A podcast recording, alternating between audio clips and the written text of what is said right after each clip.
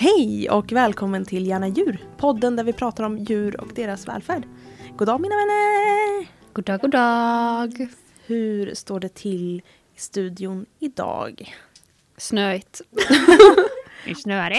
Ja, alltså satan vad det Ah. kommer snö och det är vinter och det är halt och det är kallt och inte så fantastiskt Nej. ute just nu. Nej, det är inga vårkänslor tyvärr. Nej, vi hade ju det vi här i Linköping för typ en vecka sedan kanske. Mm. Då var det helt torrt på marken, det var Sol. sol, den värmde, det var inte så mycket blåst. Och sen, pang bara, kom snön tillbaka. Livsfarligt att få vårkänslor i februari. Idag så kommer vi att prata om ett ämne som jag tycker är väldigt intressant. Som ju också är högst relevant när man äger och har och tränar djur. Och det är personkemi. Fast Mm. djurkemi. Eller persondjurkemi. Individkemi. Individkemi, det var ju... ett- Ja, men då vi kör på individkemi. Vad tänker ni på? När ni hör ordet individkemi. Jag tycker att det är ett väldigt intressant fenomen att tänka på. Ehm, men lite svårt att komprimerat få ihop det i en förklaring. För det känns som att mina tankar går åt väldigt många olika håll och spretar rätt mycket. Och det blir ju, man hamnar ju lite i självreflektion och funderar kring de individer man har varit i kontakt med under åren och vilket avtryck de har lämnat. För det skiljer ju sig åt ganska mycket från individ till individ. Just för att man har olika nivåer av individkemi med varandra. Mm, Just det. Hur tänker du Moa? Ja, men väl ungefär på samma. Jag vet inte riktigt hur jag ska få ner mina tankar kring Nej. det. Mycket tankar. Tur att vi har hela avsnittet på oss att diskutera det här. Ja, för det kommer ju bli ett eh, avsnitt, bara fria samtal, Mm. om våra tankar kring det här då. Men idag i studion är vi Linan. Mange, Och Moa. nu kör vi! kör vi!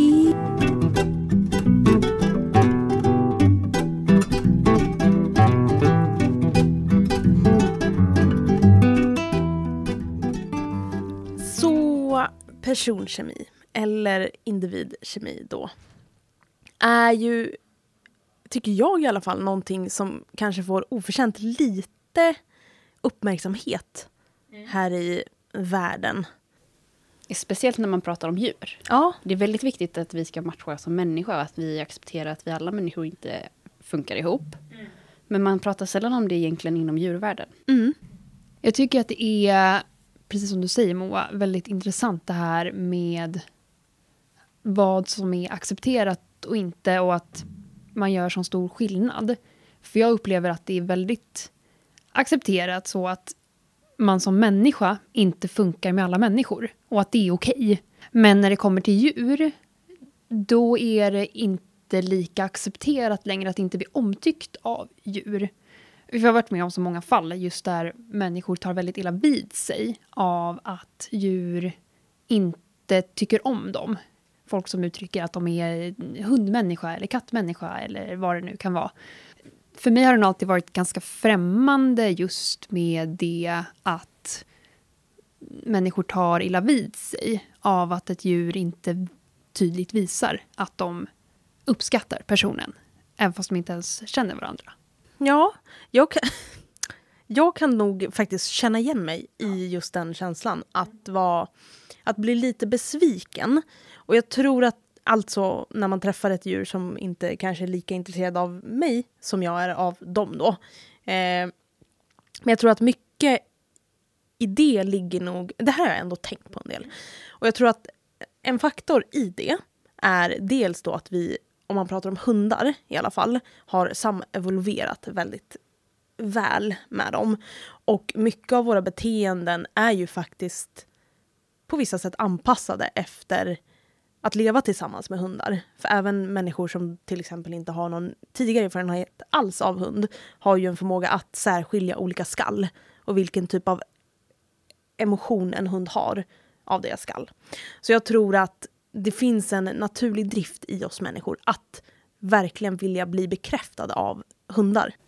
Men jag tänker också att det på, alltså, när man säger det till en människa att ja, men ni kan inte passa ihop eller djuret är faktiskt inte intresserad av att umgås med dig. Det sårar ju ens ego lite. Mm. För någonstans så tänker man ju att alla djur älskar alla. Och om någon inte gör det, om ett djur inte älskar mig, alltså såklart det sårar. Eller att man blir lite så här stött kanske Mm. mer. Mm, verkligen. Och tror som att, du säger, att om man nu tänker att hundar älskar alla, för man tänker, alltså det är en vanlig myt att man säger att hundar älskar alla människor. Verkligen. Såklart man blir sårad om någon hund inte är intresserad av en. Mm. Eller så, om man Mm. inte tänker steget längre. Mm, verkligen. För det har jag ändå blivit vissa gånger. Mm. Men sen så respekterar ju jag, även innan tiden jag hade mer kunskap, så respekterade jag det Mm. såklart. Och vilket man ju gör. Men det är ju ändå någonting som ger oss ett kvitto på att just faktiskt individkemi ju faktiskt finns ibland fler arter än bara oss människor. Jag har ändå tänkt på det här med individkemi ganska mycket. Och även en del redan innan, innan jag började den här utbildningen faktiskt. För jag hade ju, jag fick hem min hund Svea när jag var 14. Och hade henne i 10 år. Och hon och jag hade en otroligt bra individkemi som gick åt båda hållen. Vi eh, umgicks ju hela tiden och hon var alltid med mig. Och jag kände att jag fick ut det jag behövde från våran relation.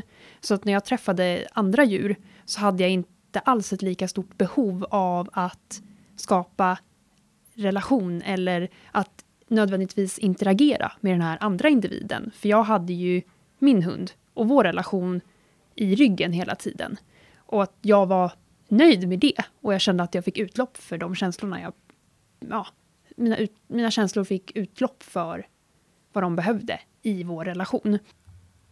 Och i och med att jag hade då väldigt mycket fokus på Svea istället då så gjorde ju det att jag kunde observera många interaktioner utifrån utan att vara känslomässigt investerad. Och att då se interaktioner ske mellan människa och djur. Och att det jag tänkte på då var nog ofta att det kanske inte alltid nödvändigtvis var något fel på själva individkemin, utan snarare kanske första mötet mellan djur och människa. Att kanske en person kommer in med för mycket energi i det första mötet med en hund då. Och att den här hunden är, blir lite förskräckt eller att den blir lite tagen på sängen och att den då väljer att backa. Och så kanske personen tar lite illa vid sig över att oj, men jag är ju en hundmänniska. Varför tycker den inte om mig? Men att det kanske bara är att det blir lite fel i den första interaktionen. Det är ju ändå någonting som är ju faktiskt intressant nu när du säger det. För jag kan nog faktiskt känna igen mig ganska väl i det. För nu när vi har fått Kenzie, vilket är en, för mig en individ som jag ummar otroligt mycket för och som jag känner att jag har ganska bra individkemi med, så är ju verkligen det ett fenomen som förekommer. Jag har ju inte samma bekräftelsebehov av andra hundar nu när vi har henne. Och jag tror Mackenzie också för mig har, hon är ju speciell på många sätt. Men hon har ju öppnat ögonen på mig på ett helt annat sätt än vad egentligen någon annan hund har gjort. För hon kräver ju så mycket reflektion av oss som ägare, alltså mig och Mange då, för att kunna möta hennes behov. Och med henne är det ju verkligen att man kan inte bara kasta sig över henne. Hon är inte en sån hund, utan man måste ta ett steg tillbaka och låta henne bestämma sin takt. Och när man gör det med henne, och det ser ju vi med alla andra relationer hon skapar till andra människor också i vår omgivning, att de personerna som verkligen ger henne det utrymmet hon behöver är ju senare de hon anförtror sig till och självmant söker kontakt med.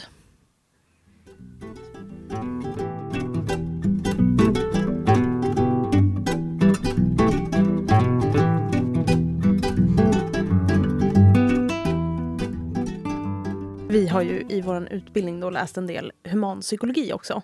Där man ju pratar om mycket sociala konstrukt och hur egentligen samhället byggs mer eller mindre på de här konstrukten då som vi skapar. Som ju är dels subjektivt men också högst objektivt många gånger.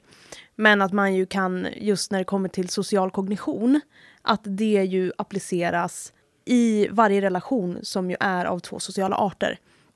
För jag tänker att de sociala konstrukten som skapas mellan människor kan ju likväl appliceras mellan hund och människa. För det är ju mycket av en relation som man har till en annan individ ligger ju, tänker jag då, dels i tidigare erfarenheter och hur väl man matchar i beteende. Och här någonstans kommer det också lite grann faktiskt beteendeanalys in och vad man har för förstärkningshistorik. För om jag träffar en ny människa som fortsätter förstärka mig i mina beteenden som har förstärkts innan så tror jag att jag kommer uppleva en bättre första relation eller första interaktion med den här personen och det här djuret då än om jag skulle träffa en individ då som börjar bestraffa mina beteenden som jag tidigare har blivit förstärkt för. Är ni med mig? Mm. Men första mötet är ju jätteavgörande för du blir ju ändå bias för nästa liksom. Mm. Det kommer ju sätta grunden för vad vi tänker om den individen. Mm, verkligen. Är Och så är det ju även hos djur tänker jag. Mm. För det är ju, man brukar ju säga att det är de sju första sekunderna som är av största vikt. Och den uppfattningen man får av en annan individ är ju den som kommer mer eller mindre bestå.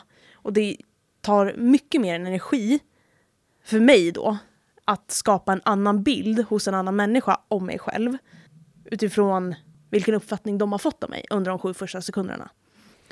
Ja, för då är man ju återigen tillbaka i det här med att precis som att vi människor är individer och funkar olika bra med olika personer så är det ju exakt samma sak när det kommer till djur och människa eller djur och djur. För personligen skulle nog jag säga att jag matchar bättre med hundar som generellt är lite mer tillbakadragna och kanske har en lite lägre energinivå. Och för att koppla till det du sa då Linan så blir det ju att jag förstärker de hundarna i att jag backar och ger utrymme till dem. Och att när de är redo så kan de komma till mig.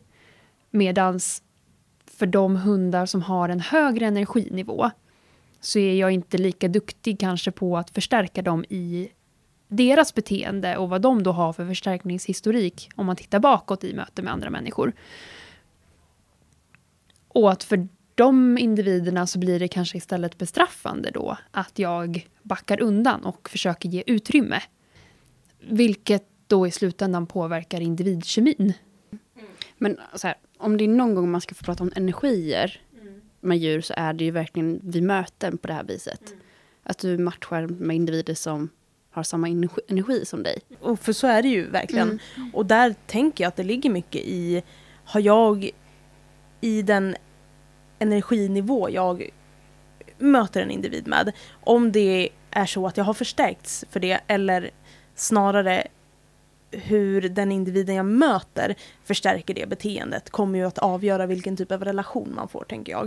För jag tänker som i ditt fall då, eh, Mange, att tidigare i din, eh, dina relationer med andra djur eller möten, interaktioner med andra hundar, mm. så har det kanske gått som allra bäst när du har träffat en individ med lägre energi. Vilket gör att du förstärkte det och uppskattar kanske sådana typer av individer mer. Mm. Verkligen. Mm. Det, förstärkningen går ju åt båda hållen. Mm. Det är ju väldigt intressant när man ser det till det. Och att kanske ändå ta lite lärdom av det och fundera själv över okej, okay, men hur är jag som person och hur bemöter jag ofta hundar? Eller andra djur också, för jag tycker att det är högst relevant. Eh, och tänka på hur man bemöter djur överlag. Eh, och att kanske... Jag tänker att det kanske kan bli lättare för en själv om man har lätt för att ta illa vid sig. För det är ju såklart, jag menar man möter ett djur och man blir oftast väldigt glad, det blir ju jag med, av att möta ett djur. Men att okej, okay, men jag har den här typen av energi och funkar med de här individerna oftast bättre. Ja, men då är det ju lättare att pinpointa att okej, okay, men de här, här liksom, vi matchar. Medan jag kanske inte matchar lika bra. Det betyder inte att man ogillar varandra, utan bara att man inte matchar lika bra. Verkligen.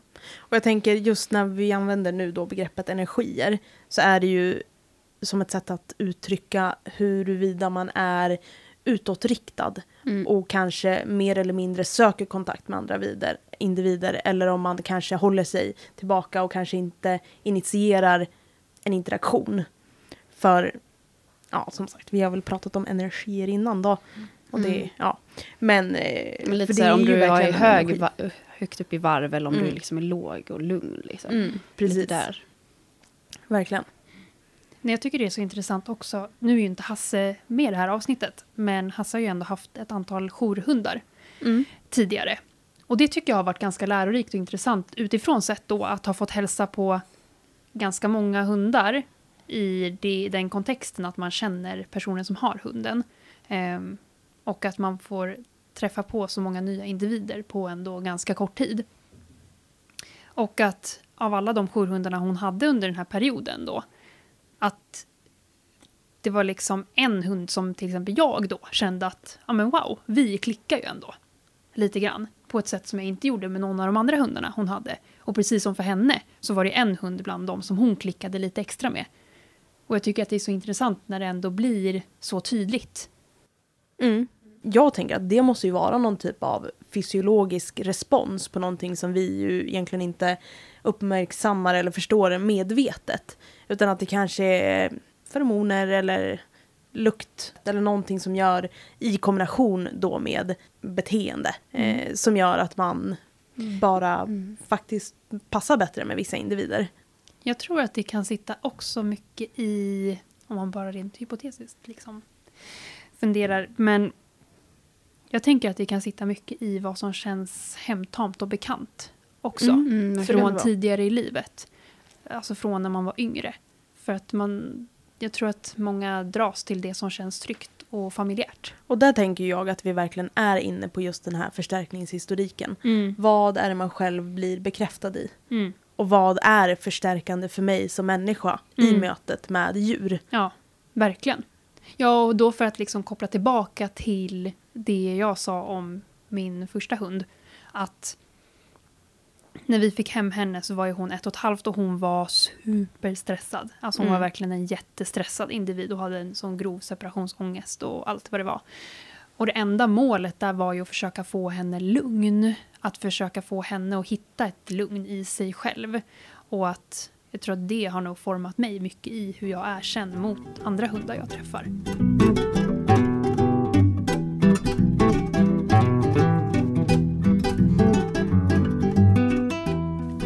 Men nu har vi ju pratat lite då eh, översiktligt om just själva fenomenet individkemi då.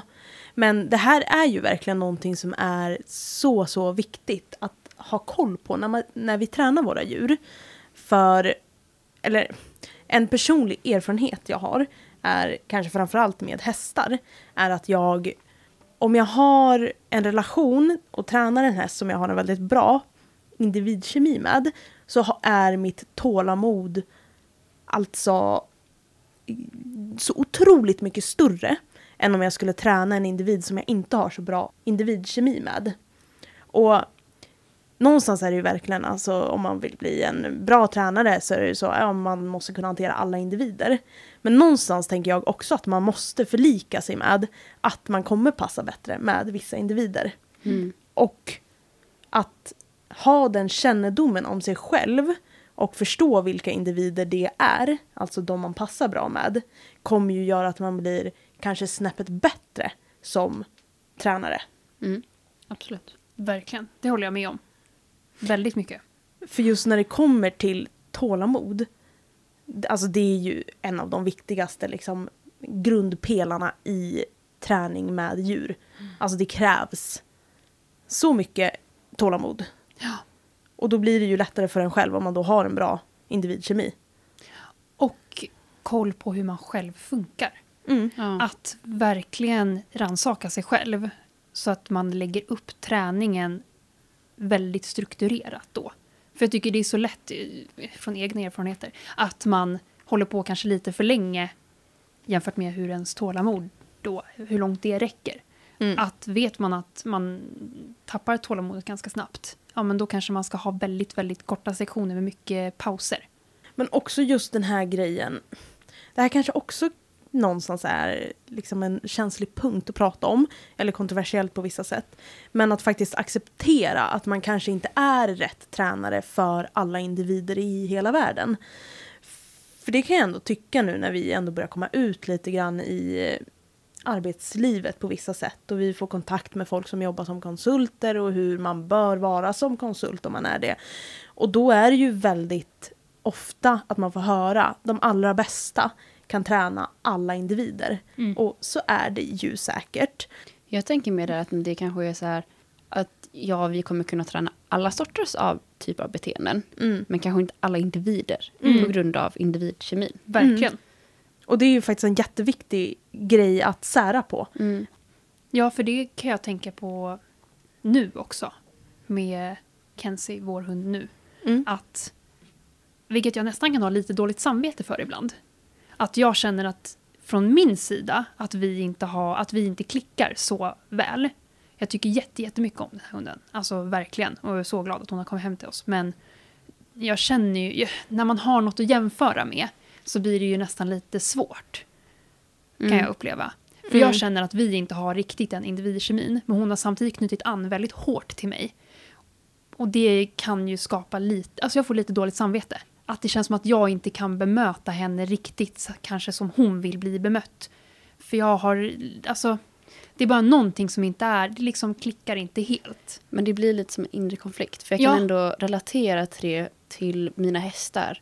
Mm. Att mitt äldre sto, när hon fick föl och det fölet behöll vi. Vi har en helt annan person som är jag och Enya fölet då. Än vad vi har med hennes mamma, eller stoet. Mm. Och jag får typ lite dåligt samvete Mm. i att jag har bättre relation med en individ som har kommit in senare i mitt liv. Ja. Mm. Och det är ju just det här som är så himla viktigt att som sagt förlika sig med, eller Mm. kanske inte förlika sig, det behöver man ju kanske inte göra. Men att vara medveten om och någonstans ändå säga till sig själv att det är okej. Men jag tänker ändå lite förlika sig med och acceptera Ja. att det är så. Mm. Och att det är okej. Och att man sen gör det bästa utifrån situationen. Men eh, ja, det är ju lite... Alltså det blir så svårt också. Bara är det någonting inne i mig som bara eh, står i vägen för det liksom från, alltså från tidigare? Alltså om det har att göra med jag vet inte, dåligt jag samvete tänker att det utifrån... bara är att det är med förstärkningshistorik kanske också Ja. inblandat. Och att liksom individkemi. Mm. Man klickar olika med olika människor så varför skulle man inte klicka olika med olika djur? Verkligen. Jag, har tänker- inte samma relation till dig Linné, Linan förlåt, som med dig Mange. Mm. Alltså även om vi är Mm. lika bra vänner så Mm. har vi inte samma relation. Nej. Och så är det Och ju. så är det ju med ens föräldrar. Man har ju kanske inte samma relation som sin mamma men som sin pappa men har ju lika bra relation ändå. Mm. Mm. Den är ju lika bra men den är annorlunda. Ja. Och det är ju, som vi pratade om lite i början också, att det är okej att tänka så när det kommer till människor och relationer. Men just återigen, när det kommer till djur så är det någonting vi bara tänker att, och kanske framförallt för hundar också, att de ska bara funka i alla sammanhang. Mm. Och sen så upplever vi att det är inte så. Och det kanske har att göra med individkemin då. Mm. Men att det verkligen inte är så svart och vitt när det kommer till antrosologi och relationen mellan Mm. djur och människa. För det är ju ett så, så viktigt ämne. Mm. Men jag tror kanske också att anledningen till att det kanske inte får så mycket uppmärksamhet är för att det är ganska subjektivt många gånger. För man vet ju inte riktigt alltid vad det beror på. Precis som du Mange nu har uttryckt. Du kan inte alltid förstå varför du inte känner det där lilla, lilla extra för Kenzie till exempel. Mm. Ja, och sen så tänker jag också att det säkerligen ligger någonting i att den relationen jag haft till min förra hund, att det nog kanske ligger emellan och blockerar lite. Mm. Att när man har levt tillsammans med en hund i tio år och kommit varandra så nära, det är lite svårt att knyta an riktigt på samma sätt då med en annan hund. Och kanske också... Och det, det, det är svårt att pinpointa vad som är vad. Vad som är individkemi, vad är att det bara är en blockering hos en själv att släppa in en annan individ. Va, alltså vad är vad? Det är ju svårt att säga. Mm. Och det här är ju också faktiskt lite intressant nu när vi sitter och pratar om det här. För det här är ju verkligen bara våra tankar. Eh, men hur viktigt det är att vara medveten om sig själv och sina egna, ja, dels beteenden men också känslor. Och det är ju därför vi läser psykologi i det här programmet. För att det kan ju vara jättegivande att bara läsa en utbildning då som har med djur att göra, eller bara människor eller vad som helst. Men just den grejen att vara medveten om sig själv i en relation till ett djur. Mm. Verkligen.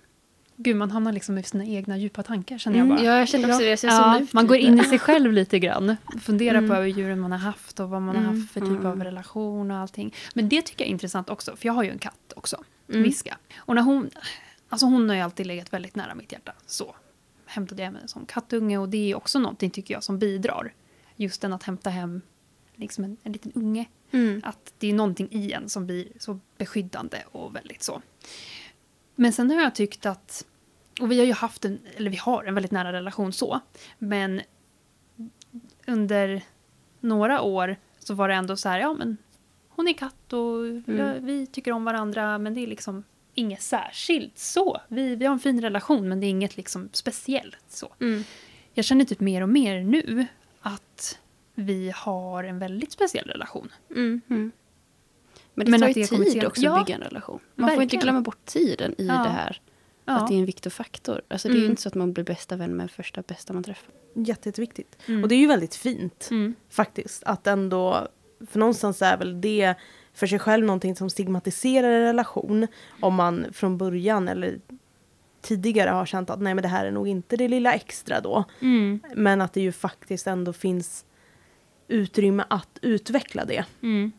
Och att jag tänker att det skiljer alltså där blir det också att det skiljer sig individ till individ. För jag kanske hade, hade tagit hem en annan katt så kanske vi hade klickat ganska direkt väldigt så att det hade känts speciellt från start. Medan Mm. med henne har det kanske tagit lite mer tid, att vi har behövt lära känna varandra mer för att det ska kännas på det sättet. Eller så kanske det sitter mycket hos mig, att jag kräver att relationen är lång för att jag känner att det ska bli det här speciella. Det är, ja, Det vet man ju inte. nej. Men också just det föränderliga i Mm, en relation. Att jag tänker också att det kanske kan vara vanligt att tänka att okej, det här är vår relation och nu kommer den vara likadan Mm. hela Mm. livet ut. Men det känner jag verkligen med min häst Micken då också. Att vi egentligen från början hade otroligt dålig individkemi. Han, han var liksom för svår för mig i början. När jag tog över honom från min syster då så var ju jag fortfarande kvar i det traditionella liksom. Men eh, och som jag berättat innan i podden så är han den som har fått mig att tänka annorlunda om relationer till djur och om djur generellt då. Men så den relationen vi har idag är ju verkligen en helt ovärderlig relation. Alltså jag har nog aldrig upplevt samma typ av relation till något annat djur som jag har till honom. I det att verkligen arbeta aktivt för att förstå varandra. Och att inse att, eller någonstans inse vilka individer vi är för varandra. Vad ni spelar för roll för varandra. Liksom. Ja, men lite så. Och att det också var, är någonting som har utvecklats över tid. Mm. Ja, för där kan man ju också se just den grejen som jag nämnde just med ifall det är så att det är saker och ting från mitt förflutna som ligger och blockerar för att skapa djupare relationer med djur omkring mig då. I och med att jag haft min förra hund och alltihopa. Just det när man tittar tillbaka på din och Mickens relation då. Att när ni fortfarande båda två var inne i, liksom i det traditionella sättet med Mm. ridningen och allt vad det var. Alltså det ligger ju som en blockering mellan att skapa en bra relation tror jag för många. Mm. Att när man kommer bort från, eller bort och bort, men att så fort man ser förbi det lite grann och kanske försöker möta hästen och inte bara jobba emot den. Mm. Det är ju först då jag tänker att man kan skapa en relation. För Mm. att jobba emot ett djur kommer ju aldrig leda till en god relation. Verkligen. Så är det ju. Och jag tänker att där är det ju nog många svar som ligger just i den också, den stigmatiseringen att alla djur ska funka. Mm. För att jag vill det. Man måste ju bygga en relation som är positiv för båda parter. Exakt. Mm. Och inte att den ena vinner hela tiden. Och Verkligen. den andra blir tillsagd hela tiden. Exakt. Mm. För det är ju när man pratar om antrozoologi så är det ju verkligen för att definiera det här bandet då som man pratar om innebär ju att majoriteten av alla interaktioner ska vara bra från bådas sida, Mm. från bådas håll. Det Mm. ska ju vara ömsesidigt. Mm. Ja, och där tänker jag också, för jag red ju en häst i sju år eh, som medryttare då. Och där, under hela den perioden så red ju jag traditionellt och klassiskt så. Men att när jag började lära känna den hästen bättre och bättre så kändes det som att jag skalade ner mer och mer. Jag varit lite mer sådär, vill inte rida med bett, jag ville inte... Jag försökte undvika att rida på ett sätt som... Alltså mot slutet så red jag ju typ bara ut, det var bara mm, bettlöst och mycket mer på hans principer. Och mindre på att jag skalade bort lite mina måsten och lät hans måsten komma fram. Och att det skapade också en väldigt stark relation, upplever jag. Även fast jag kan se tillbaka på det och tycka att det fanns väldigt mycket jag hade kunnat göra bättre. Men att ändå fortsätta rida klassiskt, men att skala ner det lite och att se mer från hans perspektiv och försöka möta honom i det. Att det gjorde jättemycket för vår relation och det var därför jag var kvar hos honom så länge som medryttare. Mm. Jag tror det är det som kan ligga och skava i min och Surprise-relation då. Mm. Eh, stoet som är mamman till mitt föl, om man Mm. ska Mm. vara tydlig. Men att, för att jag, hade, jag har haft henne i 14 år. Mm. Mm. Eh, och ju 10 år har ju varit då traditionellt nästan. Mm. Nio. Och såklart det har sagt sina spår. Mm. Verkligen. Och hon var ju ridskolehäst innan det. Mm. Så hon har ju haft väldigt mycket negativ historik egentligen. Mm. Av människor. Och sen så säger jag inte att jag, jag har aldrig tävlat och jag har aldrig tränat på det viset. Men det har ju ändå varit traditionellt. Det har ju ändå varit det här, jag, jag har rätt och du har fel, Mm. relationen. Mm. Och det är ju inte alls några konstigheter att sådana grejer ligger kvar. Nej. Och också för då i hennes liv då som ändå har varit ridskolehäst att det förmodligen har varit väldigt många negativa interaktioner med andra människor Mm. tidigare i livet. Och att för henne någonstans kanske också blockerar eh, möjligheten eller kapaciteten från henne att skapa en god relation. Mm. Eller en djup relation. Ja. För det finns ju Eller alltid... förtroendet kanske. Ja, är ja, men förtroendet att våga lita på en människa. Sen Mm. vi har bra relation idag, Mm. men den är ju fortfarande annorlunda. Mm. Och just när det kommer till hästar så tror jag att sådana saker, uppenbarligen, ju påverkar såklart individkemin väldigt mycket. Men jag tror att det är få som är medvetna om det. För det är ändå någonting som är vanligt, återigen min egna uppfattning, att det är väldigt många som väldigt ofta är irriterade och har väldigt lite tålamod med hästar. Och det kanske ligger i just den grejen att det blir aldrig så bra eftersom att man ju inte skapar ett band då utan alla interaktioner alltid är negativa på ett eller annat sätt. Och att individkemin då alltid är halvt om halvt med hästar generellt. Men också att människor är så otroligt dåliga på att läsa av signaler hos hästar. Mm. Oh ja. Så det är ju väldigt svårt att bygga en relation ens om man inte förstår vad den andra försöker kommunicera till en. Verkligen. Det blir ju, gud jag kan inte tänka mig något värre. Nej. Att ha människor i min omgivning som inte förstår vad jag försöker uttrycka Mm. och säga. Eller vad som helst. Att Och- hela tiden ja. bara bli negligerad i vad man försöker förmedla. Och att det är lite grann inställt runt omkring dem. Att bli missförstådd.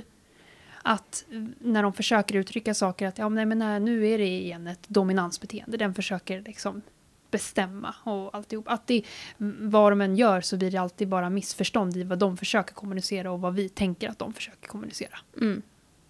Och att alltid bli missförstådd. Mm. Mm. Det är ju Alltså frustrationen måste ju vara helt enorm. Precis, och det är ju verkligen någonting som från hästens håll då påverkar individkemin. Det, kan ju, det finns ju inte en tvekan om saken liksom.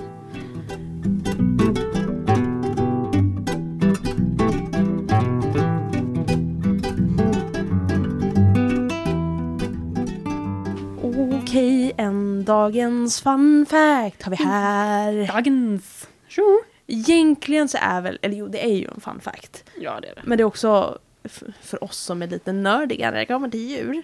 Eh, så är det ganska uppenbart då. Ja, faktiskt är ju det. Ja. Då är det i alla fall att... Eh, vad? Skrattar ni? Ödmjukt. För oss är det ganska obvious. Nej, okej så här. Okej. Vi blir kanske inte så förvånade som många andra verkar bli. Ja. Okej, Alltså, så här, så här. vår första reaktion var ju så här, oh, spännande. Mm. Och sen så bara, ah, fast varför skulle inte? Ja, Mm. exakt. Så är det ju. Så. Alltså, så då är det ju i alla fall att forskare då at the University of Success in Brighton UK har ju då kommit fram till att afrikanska elefanter kan då särskilja i mänskligt eh, kön, ålder, etnicitet bara baserat på en individs röst eller ljud då. Mm. Så de kan alltså koppla samman en röst till en person. Och särskilja då hur, var den här personen kommer ifrån. Mm. I förhållande till hur rösten låter. Gud vad spännande ändå. Verkligen. ja, jag tycker det är, ja. Men det är ändå lite så här, ja, ja varför skulle de inte såklart. kunna? Ja. Ja, det är ju ofta att vi verkligen nedvärderar våra djurs förmågor. Mm. Så. Och det här är ju verkligen fantastiskt. Och det blir en liten cliffhanger. För att nästa vecka kommer ni att få höra mer om det här. Spännande. Ja, Mm. mycket spännande.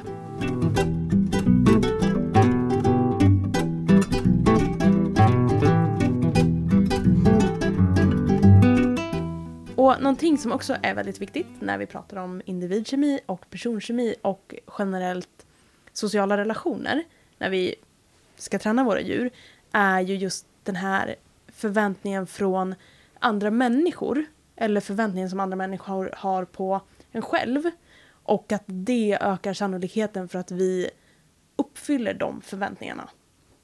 Det är ju faktiskt ett etablerat psykologiskt fenomen som ju finns ibland oss. Och hur viktigt det är då att ha rätt människor omkring sig i, sån, i sin omgivning när det kommer till att träna djur. För jag tänker att det är ju vanligt att man tränar för en när man har häst, tränar för en tränare eller man går på hundkurser eller bara tar hjälp från folk i omgivningen. Och hur mycket det kan påverka ens egna emotionella tillstånd i förhållande till sitt djur och när man tränar. Mm. Nej, jag tycker det är jätteviktigt att veta och att vara medveten om vilka man har i sin omgivning, precis som du säger. Att har man personer runt omkring sig som kanske använder väldigt hårda metoder så är det ju, det förväntas ju av dem på en själv att göra likadant Mm. i någon utsträckning åtminstone. Det blir liksom lite normaliserat. Ja, Mm. och att man själv dras ju med i tänket runt det. Att det handlar ju om det här med bekräftelse. Mm. I att vilja bli bekräftad av folk i sin närhet som man kanske ser upp till och allt vad det är. Men också att bara känna en samhörighet. Att är man i en omgivning där det sker på ett visst sätt och man pratar på ett visst sätt om djur och man tränar på ett visst sätt och hanterar på ett visst sätt. Man färgas ju otroligt mycket av det. Och det ska man inte sticka under stolen med. Det är svårt att stå emot eh, grupptryck. Även Mm. fast det, det sker ju oftast omedvetet. Mm. Verkligen. Så är det ju verkligen. Och just den här grejen när, när jag har tränat hästar tidigare för tränare. Att blir jag irriterad på personen som står där i mitten och ska hålla träningen för mig så blir det ju naturligtvis också så att jag blir irriterad på hästen. Mm. Att det är ju, det går ju som i så många led. Och att det ju är så viktigt att vara medveten om det här också. För att det påverkar våran träning med våra djur. Mm. Det är ju så lätt att eh, skuldbelägga någon annan när egentligen felet ligger hos sig själv. Mm. Speciellt Verkligen. om det inte går bra någon träning. Mm. Eller det blir inte det resultatet man hade tänkt sig i träningen. Eller vad det, det är ju så lätt att... Ah, det är djurets fel eller så. Mm. Men det är ju ens egna oftast. Verkligen, så är det ju. Eller oftast alltid. Mm. Alltid. Verkligen. Viktigt att poängtera. Alltid. Och det är ju faktiskt ett rätt och slätt psykologiskt fenomen som kallas för self-serving attributional bias. Och det är ju när man då tillskriver alla framgångar en själv då. Eller när någonting går bra, då är det ens egna bedrift. Men när någonting går dåligt så är det alla andras fel. Ja, Och människan är ju ganska duktig på då att tillämpa det här. väldigt. Och det kan man ju själv bara komma på sig. Alltså att vara så här, oj. Det händer ju varje dag tänker jag. Ja, precis. Mm, att man alltså. tänker fan det är den där personens fel. Mm. Bara, nej, fan vad dålig den där var på att köra bil. Så är den Mm. själv som har liksom har kört i fel fil typ. Ja. Ja. Eh, så det är ju verkligen att det är så stor vikt i att förstå de här psykologiska fenomenen när vi är med våra djur. Mm. Det ju påverkar individkemin man då har med eh, sina djur. Verkligen. Ja, men det är viktigt det där med att våga erkänna sina egna misstag. Och brister. Ja, för det är ju mycket lättare att jobba sig förbi dem då och att skapa bättre relationer till sina djur. Och att vara ärlig i sina relationer. Mm. Verkligen. Mm. För det är ju också någonting som påverkar väldigt mycket och det vet man också psykologiskt, att, eh, eller inom psykologin då, att en person som inte uppträder på ett sätt som är väldigt ja, men, genuint och att man känner att den här personen är sig själv. De personerna som inte upplevs vara sig själva, de blir man lite avig emot. Mm. Man känner av det. Och det är väl ändå rent evolutionärt att man lär sig att det kan finnas dåliga intentioner och att det har väl inte gynnat människan då genom tiden om man tittar tillbaka. Precis, och det är ju någonting när man pratar om beteendeevolution Mm. så är det ju någonting, en viktig komponent i det är ju just det här sanna eller falska signaler. Exakt. Mm. Att individer som utger falska signaler är en individ man inte kan lita på. Och hos sociala arter så är ju det av största vikt att kunna lita på dem man lever med. För det kan ju vara på liv och död Mm. Mm. bakåt i tiden. Verkligen. Och här tänker jag att det är viktigt ändå att vara medveten om hur det kan påverka relationen man har till sina djur. För till exempel har man en dålig dag eller någonting och så anstränger man sig väldigt mycket för att ändå verka positiv och glad mot sitt djur. Det påverkar ju fortfarande för att de känner ju fortfarande av att allting inte står rätt till. Mm. Och det i sin tur kan ju leda till att man blir mer frustrerad, att det inte funkar som det ska och man anstränger sig och alltihopa. Men att det är viktigt att känna av det hos sig själv och att ha koll på sina egna känslor. Och att då, till exempel om man tänker att man ska träna sitt djur den dagen, att kanske skippa det. Mm. Mm. Verkligen. Mm. För att det kan ju faktiskt skada relationen i det långa loppet om man rent av faktiskt utsätter djuret för det, att man tränar med djuret när man själv inte är emotionellt där Mm. Mm. på ett fint sätt för sitt djur. Mm. Verkligen. Och det är ju någonting som är otroligt kontroversiellt i djurträningsvärlden. Och kanske framförallt med hästar. Vad jag upplever. För det är många gånger jag har sagt att nej men det kommer inte bli något bra idag om jag ska träna Mm. micken till exempel. Att det finns så liten förståelse för just den grejen. Att jag är medveten om att idag är mitt emotionella tillstånd inte bra för att träna. För jag kommer inte ha tålamod. Och då kommer det inte vara kul, varken för mig eller micken. Nej. Jag har även hört inom hästträning att eh, ja, men du kan ju ändå fejka dina känslor för de kommer inte upptäcka det. Och det tycker jag Mm. är jättekonstigt. Att, ja, men du kanske inte är lugn, men du kan ju hitta ett lugn själv. Mm. När du är med, och jag är så här, Nej. fast de kommer ju märka, om jag är stressad så utsöndrar jag ju Verkligen. stresshormoner. Mm. Precis. För det är ju så... Exakt. Mm. Och det är ju någonting, faktiskt, hästar är väldigt skickliga på. De kan ju känna just lukten av, eller vad man ska säga, Lukten stresshormon. stress. Ja. Eh, som vi absolut inte kan. För att vi har inte lika utvecklat eh, luktorgan. Mm. Så det är mycket våra djur upptäcker om oss som vi själva kanske inte ens är medvetna om. Och som då påverkar den här personkemin, individkemin. Mm.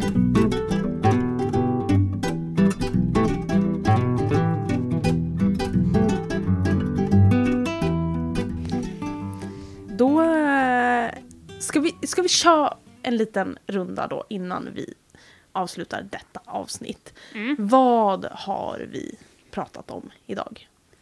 Relationer. Att eh, de kan faktiskt variera inom djurvärlden som de kan göra inom människovärlden också. Mm. Och det behöver inte vara att de är dåliga. Mm. Det är bara att de varierar. Jättebra. Mm. Jättebra. Mm. Kort och konkret. Ja. Precis som vad vi har pratat om i en timme här nu. Ja. Ja. verkligen. Jag tänker... eh, Jag tycker att det är någonting som jag ändå ja, tycker är väldigt viktigt, som vi har pratat om det här avsnittet. Väldigt viktigt. Just, väldigt viktigt. är just den här första interaktionen och bemötandet. För många, precis som vi var inne på, jag upplever att många som träffar på en hund de aldrig träffat på förut. Människan beter sig mot hunden som att vi har känt varandra i 17 år. Men hunden fattar sällan någonting för, för den är en ny person som Mm. inte känner. Så att det, det tycker jag är ja, Viktigt. Mm, Verkligen, och vilket ju kan sätta stämpel för individkemin framåt. Exakt. Ja, verkligen. Mm. Väldigt viktigt. Så fundera över eh, hur du Bemötandet. själv som Ja. lyssnar, hur du bemöter djur som du träffar för första gången. Och eh, Och hur du själv vill bli bemött. Ja. För att du kanske inte bli, vill bli bemött på alla sätt från alla Exakt. olika människor. Ja. och djur. Ja. Och där vill jag faktiskt också då flika in en till grej som vi inte har pratat om. okay. Eh, men just när det kommer till hundar och första möten. Att för hundar så är ju just lukten ett väldigt viktigt och omfattande sätt att hämta information. Mm. Så för en hund så kan det ju vara mer uppskattat att inte vad en själv anser då, interagera. Men för hunden att bara få känna ens lukt så kan ju det ge väldigt mycket information. Och precis så mycket den behöver för Mm. att skapa en typ av bild av en. verkligen. Tack för idag så hörs vi. Ni kan nå Nej. oss på, Instagram där vi heter Gärna djur. Och på Facebook, där vi också heter Gärna djur. bye. bye.